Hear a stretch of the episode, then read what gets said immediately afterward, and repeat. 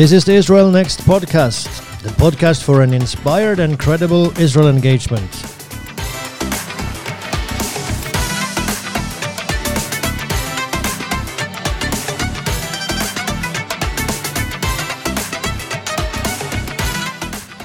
I'm Roar Sørensen, and I have uh, with me today Aletta Sørensen, and we are going to take you through a very exciting uh, topic here today. Um, uh, we have really uh, charged our batteries before doing this. I was like, you didn't sound too excited at, at the beginning. okay, okay, now you sound ex- excited again. good. Great. I, Yeah, that's I usually don't. I just yeah, am. It's like you were like reading from something. okay. Well, we are excited, of course. I mean, we're, t- we're talking about Israel, our favorite topic, so it's uh, always something to be excited about. But we we were going to start. I try so- to hide my excitement. You try to. Wow, you, you're doing a great job. Well, we uh, we were thinking about something that we just wanted to start sharing. I mean, start the episode off by sharing, and that is uh, the issue of standing up for something. Uh, and uh, what we talked about was that we really, I mean, we really like that when people are standing up for something, some some issues, some uh, related to the um, society or yeah community that we're living in, uh, and when we see a lot of that. So we talked about this kind of like a paradox that we've seen, uh, that more and more people are standing up for an issue, but maybe fewer and fewer issues are being s- are being mentioned. Stood up for, yeah. Exactly. Mhm. So I mean, you can have your heart set at things, and and it's perfect and it's good, such such as um, how other people are treated. Uh, no to racism, of course. I mean, that's such a big and huge and important issue. Uh, but maybe sometimes when we do that, uh, some other issues are more like forgotten. Yeah, I, I, I really, it- it's really a paradox because it's a good thing. People are standing up for things, and we see it, masses are standing up for different issues, and um, it's really, I think, also a very biblical thing. We, we should um, should stand up for something and also try to influence our society. As a matter of fact, in Judaism, there is this concept called uh, tikkun olam, which means to repair the world. Uh, and it has exactly to do with this that we are here to help making this world better. And so, so uh, I believe it's also a Christian thing to do. Uh, but at the same time, certain things are not stood up for, and, and um, maybe because they're not popular. I believe we we we, we uh, need to get a little bit more concrete here and, and just mention the issues. Conservative values, for instance, are not stood up for in the same Christian way. values, yeah. hmm And uh, the word that is, is very often uh, deciding whether it's stood up, things are stood up for or not is what it is the word political correct. Uh, there, there are trends, and, and then there are certain issues that are not popular to stand up for, and so they are neglected, and, and that's tragic. Exactly, and and you mentioned that it's uh, something that we can see in the Bible, and and just want to look into it right now and read from Daniel. He's like one of many examples of people that in the Bible that really stood up for for important issues, and uh, it says from Daniel chapter five, and the title is Daniel's friends disobey the king, and from verse eight they say, uh, therefore at uh, that time certain Chaldeans came forward and accused the Jews. They spoke and said to King Nebuchadnezzar. O king, live forever. You, O king, have made a decree that everyone who lives oh, hears, I mean, hears the sound of the horn, flute, harp, lyre, and psaltery in symphony with all the kinds of music shall fall down and worship the gold image. And whoever does not fall down and worship shall be cast into the midst of a burning fiery furnace. There are certain Jews whom you have set over the affairs of the province of Babylon Sadrach, Meshach, and Abednego. These men, O king, have not paid due regard to you. They do not serve your gods or worship the gold image which you have set up. And now, then the king, uh, Nebuchadnezzar, he uh, gets really angry and uh, he wants to throw these uh, guys into the fiery furnace. And what they say, Sadrach, Meshach, and what their answer is, we can read from verse 17. It says, If that is the case, our God, whom we serve, is able to deliver us from the burning, burning fiery furnace, and he will deliver us from your hand, O king. But if not, let it be known to you, O king, that we do not serve your gods, nor will we worship the gold image which you have set up. And that's exactly what happened. I mean, that they stood for their things, uh, for not worshiping the god or the king, and they were put into the fire furnace and they were delivered. Mhm. But nevertheless, I mean, what they said, they said, and even if we're not delivered, even if we're not saved, we will do this. I mean, it's just this is so amazing. Yeah, yeah, in the attitude, uh, I mean, it's it's uh, something that is lacking, and that we also can learn a lot lot from. Mhm.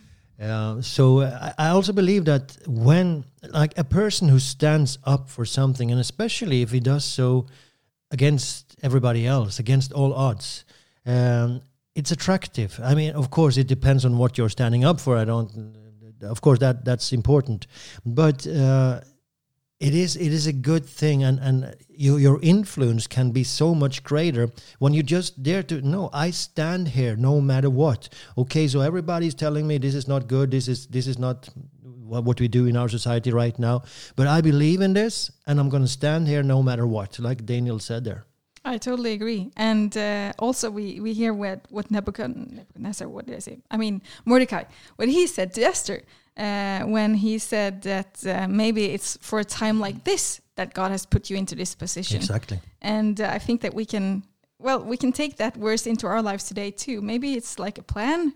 Uh, we've been put here for this time and this hour, and there are certain things that we need to speak up about. And so please do one, yeah, exactly. And one of those things is, uh, well, it's the purpose for our podcast. Uh, it's to speak about Israel. Ah, now you're getting there It was a long introduction, but we finally got to our. no yeah it- it's true but i mean there are many topics that are worth course. standing up for but israel is Yeah, definitely one of them ver- the value of life and so on. Exactly. But yeah, Israel is one of them, and uh, happens to be our topic as well. Okay, so we want to dive right into our theme or our Zoom question out. for today. Exactly, our zoom out, and it's actually based on a question that we got from one of our dear listeners. Uh, what that person mentioned was that uh, um, she was in a situation where at the at work where they were discussing Israel, and usually I mean, many of us, I think, can can uh, recognize this situation in our lives too. Uh, they talk about Israel, and it's usually negative, and everyone sor- sort of agrees or are silent. Uh, and uh, but she spoke up and about Israel's rights to their land and to to defend their country.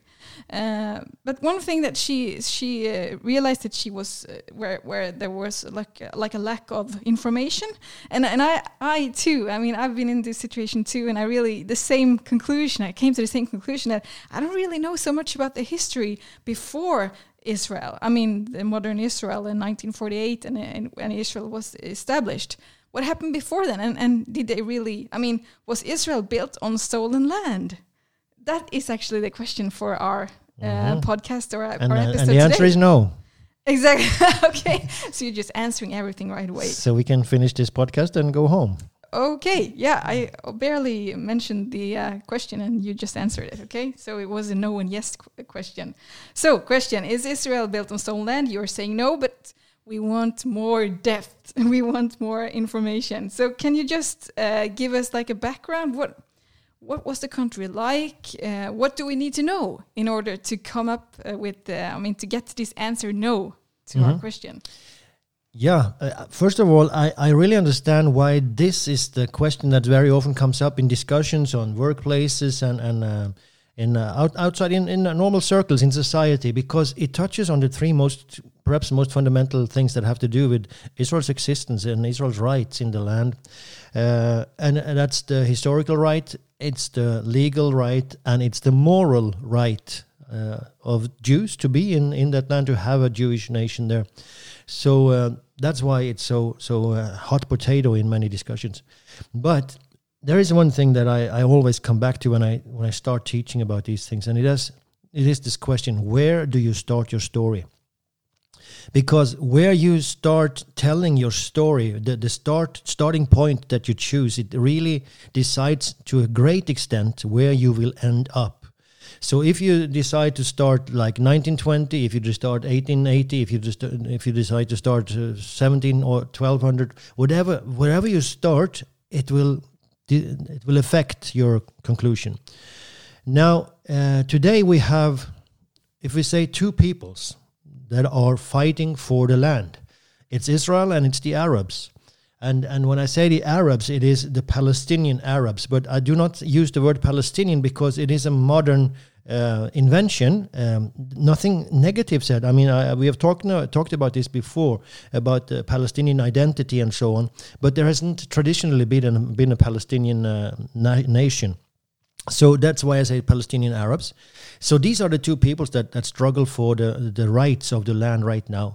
Because uh, and that's why I think we need to make the starting point where these nations got connected to the land. Because there are those who say that, well, if you start with the Jews, why, why don't you start with the Canaanites? Why don't you start with the Philistines or, or whoever was there in biblical times before the Jews came? Well, the, the thing is that there are no Philistines and no Canaanites that are demanding the land. These people do not exist anymore today. The, Philist, the, the Palestinians uh, that uh, we have today have no connection to the Philistines, just to mention that also. So that's why we have to look at the starting point where these people got connected. And I won't go through the history, history because we, we have done that previously as well. But of course, the Jewish history starts with Abraham. 2000 before Christ. And, and then fully when Israel enters the, the land uh, under Joshua, which is like 1400 before Christ. So they have a 4,000 and at least a 3,400 year old history connected to this, this land. It includes the, the, the judges, the kings, and, and all these characters that we know from the Bible, includes Jesus. Um, their, their connection goes that way, that far back. Uh, and it continues until today. Uh, I'll get back to that in, in a minute. The Arab connection to the land starts in the 7th century. 638 is when the Arab uh, army conquers the land. There were Arabs that passed through the land before that, but they didn't live there. They didn't uh, have control of the land. We can read about Arabs in the Bible. So, so of course, they, they live not far from the area, but they didn't uh, live in the land. So that story is like 1400 years old and continues. It has continued since that time until today. So, uh, and, and let me also just go back to the Jews because man, many believe that the Jewish story uh, was disconnected at year 70 when the temple was destroyed and the Jews were taken into the great dias- diaspora. And it is true that most of the Jews were taken away forcefully uh, but the Jews remained in the land and have always remained in the land. There has always been a Jewish presence in the land since the days of Joshua until our days. So that's continuous. And also, the Jewish connection, even if the Jews were spread out uh, in the diaspora, they were always praying next year in Jerusalem. Next year, we're going to celebrate this. That, that was their hope, their prayer. They had a lot of ceremonies, you know, the wedding glass at the at the weddings, the, the, glass at the weddings that they used to remember, remind themselves about the destruction of Jerusalem and so on. And there were also aliyot, uh, waves of Jewish immigration coming throughout the centuries. Uh, whenever there was a possibility, there were Jewish groups coming to dwell in the land. So the Jewish presence never stopped. Uh, now it was the land was under uh, rule by foreign rulers many times. And even the Arabs, they didn't control the land continuously from the 600 or 7th century until modern days. The last uh, seven, 700 years, it, it, was under foreign rule. It was not Arab rule. It was the Mamelukes. That you had also a period with the Crusaders, but then you had the Mamelukes and you had the Ottomans. They were Muslims, but they were not Arabs. So, uh, but the Arabs were still in the land and that's that's the important point. So these things are important to take into consideration when we, we look at what happened then in modern times. Uh, why, why did the Jews choose this land to go back to? Because that was the only land they kind of could go back to. All of them. That was the land that they had a connection to. So um, all of that just to take us to to the period that we want to talk about, uh, which is the, the modern period. Uh, so when we come into the 1800s, we have Jews living in the land, and they mainly live in four cities. These cities are Hebron, Jerusalem, Tiberias, and Safed, Tzfat. Uh, and these are the holy cities, so to say, among the Jews. And Jerusalem has had a Jewish majority since the 1860, since the year 1860. There's been a Jewish majority in Jerusalem. It's important to point that out because When we speak about Jerusalem in 1860, we speak about what we today call East Jerusalem. Uh, and today we there's very, very often used the term Arab East Jerusalem. Now, why is it Arab East Jerusalem? Well, there was a Jewish majority in 1860. So why is it now Arab East Jerusalem? Because the Jordanians threw the Jews out, and now we are in 1948. Uh, but that kind of made the Arab, the eastern parts, to an Arab majority area. So just important to point out these things that there are these connections, historic connections that go way back. So what happened then, 1800s? Well, we have the first Aliyah coming, 1881. And uh, Aliyah is, of course, a wave of Jewish immigration coming largely from Russia. Uh, there were pogroms going on, uh, persecutions of Jews in that area. And so they fled to Israel. They started uh, agricultural uh, villages started to, to grow the land. And what is the situation like at this time in the land? Because that, that is the big question. And traditionally, there has been, there's been a saying that goes like this um, The Jews, or let, let me put it like this a land without a people for a people without a land. And, and we speak about this territory. So that there was a land without a people for a people, the Jews, without a land. That is how pe- people and uh, history has presented this. And of course, it, it doesn't mean that it was completely empty of people. There were, and, and these numbers are not 100% accurate because we cannot know 100% accurate, but approximately.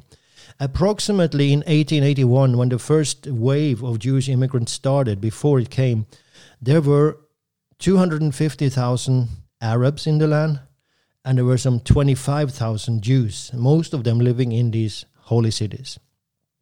So 10 times more Arabs, but still so few people in this. It's not a vast land, uh, land but it, it's huge. 250,000 is nothing compared to today. There are like, uh, well, there are 9 million in Israel, and there are another few millions in the Judea and Samaria, Arabs, and in Gaza. So many, many millions. So these are the numbers when the first wave of Jews come. They come, they start developing the land, and what happens is that uh, as they develop the land, Arabs in the neighboring areas are attracted and they get work. They come to the territory and they also get work. They, they get occupi- occupation in different ways connected to the fact that the land is developed. So uh, this continues. The, the Jews continue to come in waves of the Aliyah. At the beginning of the 1900s, we have the second Aliyah, which is really a pioneering work where they, they bring modern methods of agriculture and the, the land really starts to blossom. So, uh, did you have a question so far? Yeah, well, I was just thinking about you, you presented now the history up until uh, the Aliyahs, the Jewish uh, immigrations. But I was thinking, who really did own the land when they came? Can you like, can you? Yeah. Do we know that? I mean, who did own them? yeah, and this is this is uh, good because this touches on things that have changed. You know, uh, so I, I, told you that uh, the Arabs didn't uh, control the land for the last 700 years from from 1250 onwards. Uh, Mamluks and then Ottomans. Uh, so the Ottomans are the Turks. Uh, they conquered the land in 1517 and held it until 1917, 400 years. Now, the, there were not many Turks living in the land. The local population was Arab and the 25,000 Jews that we spoke about. So, but the ownership of the land was Turkish because that's how it worked back then. If you conquer a territory, you own it. Uh, so, um, it was Turkish, and were, the landowners were very often sitting in Istanbul or in Lebanon, in Beirut, uh, even in Egypt. You had rich landowners owning huge swaths of land, and uh, then the local peasants were working on their land. And of course, they uh, the, they were have to pay taxes. They had to pay rent. They had, I mean, there was an economic uh, factor to it all. When the Jews then came, 1881 and onwards, they start buying this land, uh, collecting money in Jewish communities around the world to build and rebuild their uh, their ho- own homeland. So so and this is huge. It's a huge operation of collecting of money and huge swaths of land were, were bought in Israel through this money. So that's uh, when it comes to to ownership. Uh, we'll come to this thing back when back to the ownership when we speak about modern uh, international law because we said that the Ottomans owned the land, but did they really? Yeah, they did, according to how it was understood back then. But this changes because if you occupy a territory today, it doesn't mean that you own it. We will come to that in a, in a minute. But um, so that's the situation. The Aliot continues, uh, and at the same time, we have an increase. But from the beginning, there is cooperation even between Jews and Arabs. Arabs get the work on Jewish farms. I mean, from the 1880s onwards, uh, the first uh, Jewish Aliyah, they, they basically employ Arabs. Uh, then the second Aliyah has a principle not to do that because they want to be farmers themselves. They have always been denied farming the land throughout the Middle Ages. So now they want to do it themselves, and they also use modern modern methods of doing it. But anyway, so as we come to the 1915, 1920, the Arabs start to uh, oppose the Jewish uh, immigration.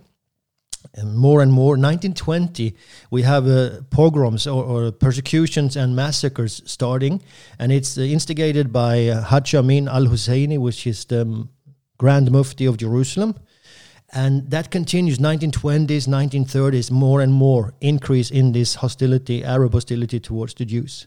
But uh, from the beginning it, it, wasn't like that. But i want to just take us back because this uh, expression that i mentioned a land without a people for a people without a land. Today if you mention that in academic circles you will be ridiculed because today uh, consensus has uh, consensus there's a line of ideology that governs how people talk about this today. And uh, it's not fitting, it's not good that uh, the Jews, that this was a land without a culture, uh, without a people. Uh, Arafat Tamid, uh, Tamid, now I start talking Hebrew, uh, always said that we had a flourishing cul- culture here and the Jews came and destroyed us. So let us just give you some objective quotes from the time. Uh, most of you would have heard uh, Mark Twain. I don't know if I should call him objective, but I, at least there was no when the, at the time when he was writing, which is the 1860s, there was no conflict at that level between Jews and Arabs. So it wasn't like a debate, a part of the debate, because the debate hadn't started. So he writes uh, Palestine sits in sackcloth and ashes. Palestine is desolate and unlovely. This is 1867 and he speaks that there's hardly a tree or a bush anywhere and so on. Uh, he continues to write, "The desolation is there that is not even that not even imagination can grace. Uh, there's not a solitary village throughout its whole content of uh, content. Of course, he." This is a little exaggerated because there were scattered Arab villages.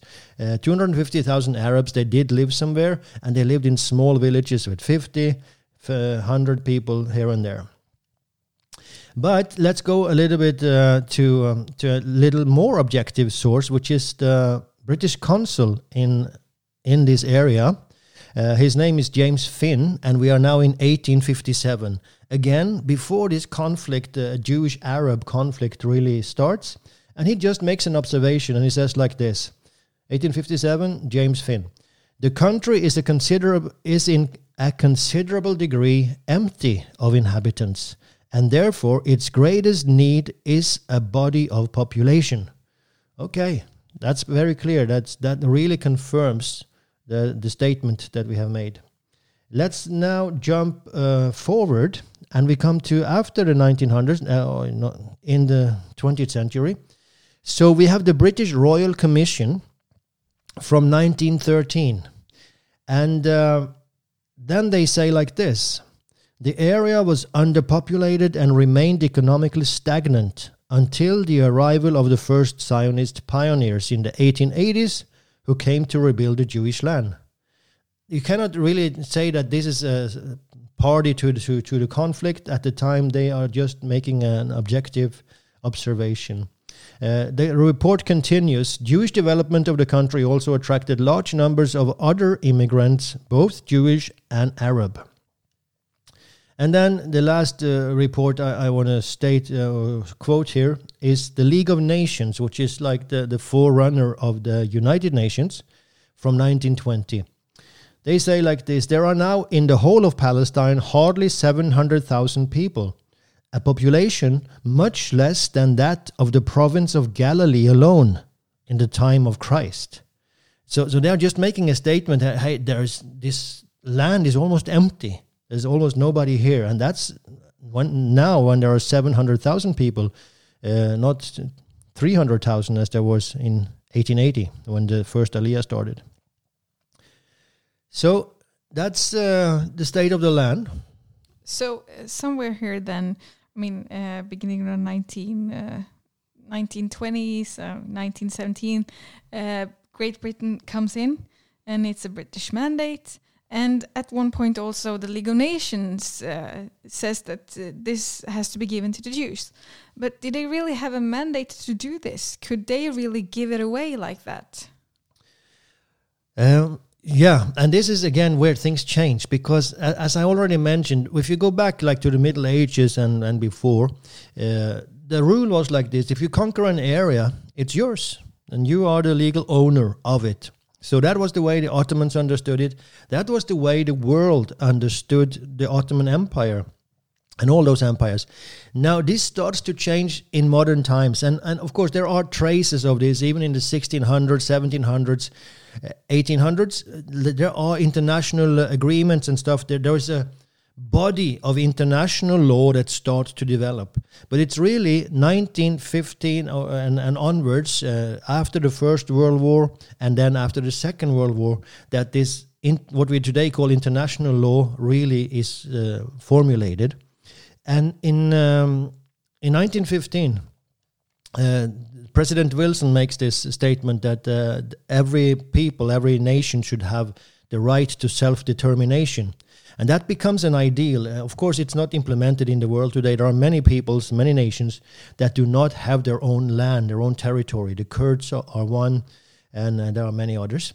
Uh, so uh, it's an ideal, but um, it, it's not implemented fully. But anyway, this starts to develop uh, international law, and as a result of the First World War, the conquerors of that war come together and they formulate, they lay down the rules. So the question is did they have a right to say that this land should belong to the Jews? Well, you have to ask the same question to did they have the right to say that Syria should be Syria? that uh, Jordan should be Jordan, that Iraq should be Iraq? Did they have the right to divide the Arabian Peninsula the way they did with the Emirates and Bahrain and all these states? Because that happened at the same time. It's part of this of this process. It's part of two processes, but we won't go into detail. But nobody questions the legit- legitimacy of those nations. They only question the legis- legitimacy of Israel. So uh, we have to play by the rules that were acceptable at the time. Now, the League of Nations just incorporated, or they incorporated a decision that was made by Great Britain, which is called the Balfour Declaration from 1917, where, Great Britain said, We are in favor of the establishment of a Jewish national home in Palestine. And they used, they used the word Palestine because that has been, become common in Europe at the time. So uh, okay, they are in favor of this. The League of Nations says we are also in favor of this. And because that is the most influential, the most authoritative body in the world at the time, yes, they they had the right. I mean, you can you can always argue here and there, but if you question that decision, you have to question many decisions, and there are many nations that will have to break up as a result of that. If, if you cannot, if you can pose uh, doubt about that decision. So I would say yes to that that answer. That's how we have understood it. And now it's really tempting to go further and and uh, ask about. Uh, okay, so then Israel was established. Why then all this? Uh, uh, fight about it and, and how did all that start. But we don't have time to get into everything. So I think if you don't have uh, something more you wanted to, to add, I guess we kind of like. No, I, I just uh, want to say that uh, as, as this, okay, we are in the 1920s when the League of Nations make this decision, uh, and then it continues into the, the United Nations, wh- who just continues the, really the decision, and they base their decision on the Jewish connection to the land for thousands and thousands of years. So at the time, there was there was not a question about this that the Jews had a right to the territory and so on. It has come up later on. And it's very easy today to sit and, and judge uh, what happened even a 100 years ago, but we have to get ourselves into that situation, what was valid at the time. And even uh, if you go back in history, uh, at the time of the Ottomans, when they conquered it, okay, at that time it was allowed to conquer territories by war. Now it isn't anymore. Exactly. So, did Israel build its land on stolen land, or is Israel built on stolen land? Well, fo- following this uh, exposition, uh, we have to change our answer. No, we don't. exactly. It's still a no. The answer still stands. It's no. Exactly. And uh, I mean, there's so much more to talk about, and we're going to continue doing that, of course, in our following episodes. Uh, but before we, we end this episode, just want to have to look, uh, want to look at the Jewish calendar. What's up next? Right. Uh, so what's up next? Because now we have many things that are coming up next. I've already mentioned them uh, on my on our previous podcast. But it's uh, Rosh Hashanah on Friday, starting this coming Friday. Uh, the Jewish New Year. Rosh Hashanah means the head of the year, meaning the start of the year, and uh, it's based on um, well, uh, at least um, let's read Leviticus 23 and verse 24. Uh, it says like this. Speak to the children of Israel, saying, In the seventh month, on the first day of the month, you shall have a Shabbat rest, a memorial of blowing of trumpets, a holy convocation. You shall do no customary work on it, and you shall offer an offering made by fire to the Lord. That's what it says about this holiday. Doesn't mention Rosh Hashanah. That that expression is not there, not even in Hebrew. Uh, and it says, in the seventh month, on the first day of the month you shall have this holiday. So how come the seventh month becomes Jewish New Year? Well, that has to do with the fact that uh, in in Israel or among Jews there are two New Years, and the religious New Year, according to the Bible, starts in Nisan, which is Passover uh, during in the, in the spring. That's really the New Year according to the Bible. But uh, in Jewish tradition, it developed this uh, thing, and we see it also in uh, in um, already in the Old Testament, uh, that there's another new year, and it's the civil new year, which starts in the fall uh, at the time of Rosh Hashanah. So that's why we have two Jewish New Years um, mostly, but one religious and one civil. Uh, now the custom, uh, to, uh, first of all, it speaks about blowing the trumpet. So this is this is huge. if you haven't been in Israel and Rosh Hashanah uh, or been in the synagogue, there is a lot of trumpet blowing, which means shofar. Okay, there, there should be a hundred uh, what you call these uh, sounds from the shofar. Uh, in just one service, there should be 100, and it's a mitzvah. It's a commandment to to hear the shofar during Rosh Hashanah. So anyway, it's it's a great holiday, and it's connected to apple and honey. Uh, we'll just do this very quickly, but apple and honey is uh, the thing that you eat. Uh, you eat other things as well, but this is to dip the apple in the honey and you give it to others and you say, Shana Tova umetuka. May you have a good and sweet new year. So that is the, the custom today. But uh, we won't go into the details about the Feast of Trumpet because there is a lot of things to, to take from that. So they're getting into year 2021 now. No, no. Uh, exactly. they are getting into 5,781. Yeah, well, that's quite something. yeah, they counted from the creation. Exactly, of course. Yeah, okay, so that's uh, the new year and it starts uh, on Friday. So that's up next. Friday and it lasts for two days. Friday till uh, Friday evening till Saturday, Sunday evening. Great. Okay, so we're going to end this episode right now. Uh, and of course, there are many other things that we want to talk about. One of the things that we've promised to mention or, or actually talk more about uh, is about the Palestinian and their leaders. Uh, first and foremost, uh, Fatah and Hamas and the struggle between them and uh, their relations, what happens around that. We won't promise that we're going to talk about this the next time because many things can happen in two weeks and uh, yeah we we have to take whatever is more most important. But of course don't hesitate to ask questions. I mean no question is uh, too small or insignificant or i mean too big. As long as it helps you to uh, stand up for israel or to understand israel better just you know, send ask. them to us and ask us. Yes. And also follow us on social media if you want to have a little bit more of Israel in your daily life, a little bit more um, exciting stuff about Israel. You should really go check us out on Facebook and Instagram.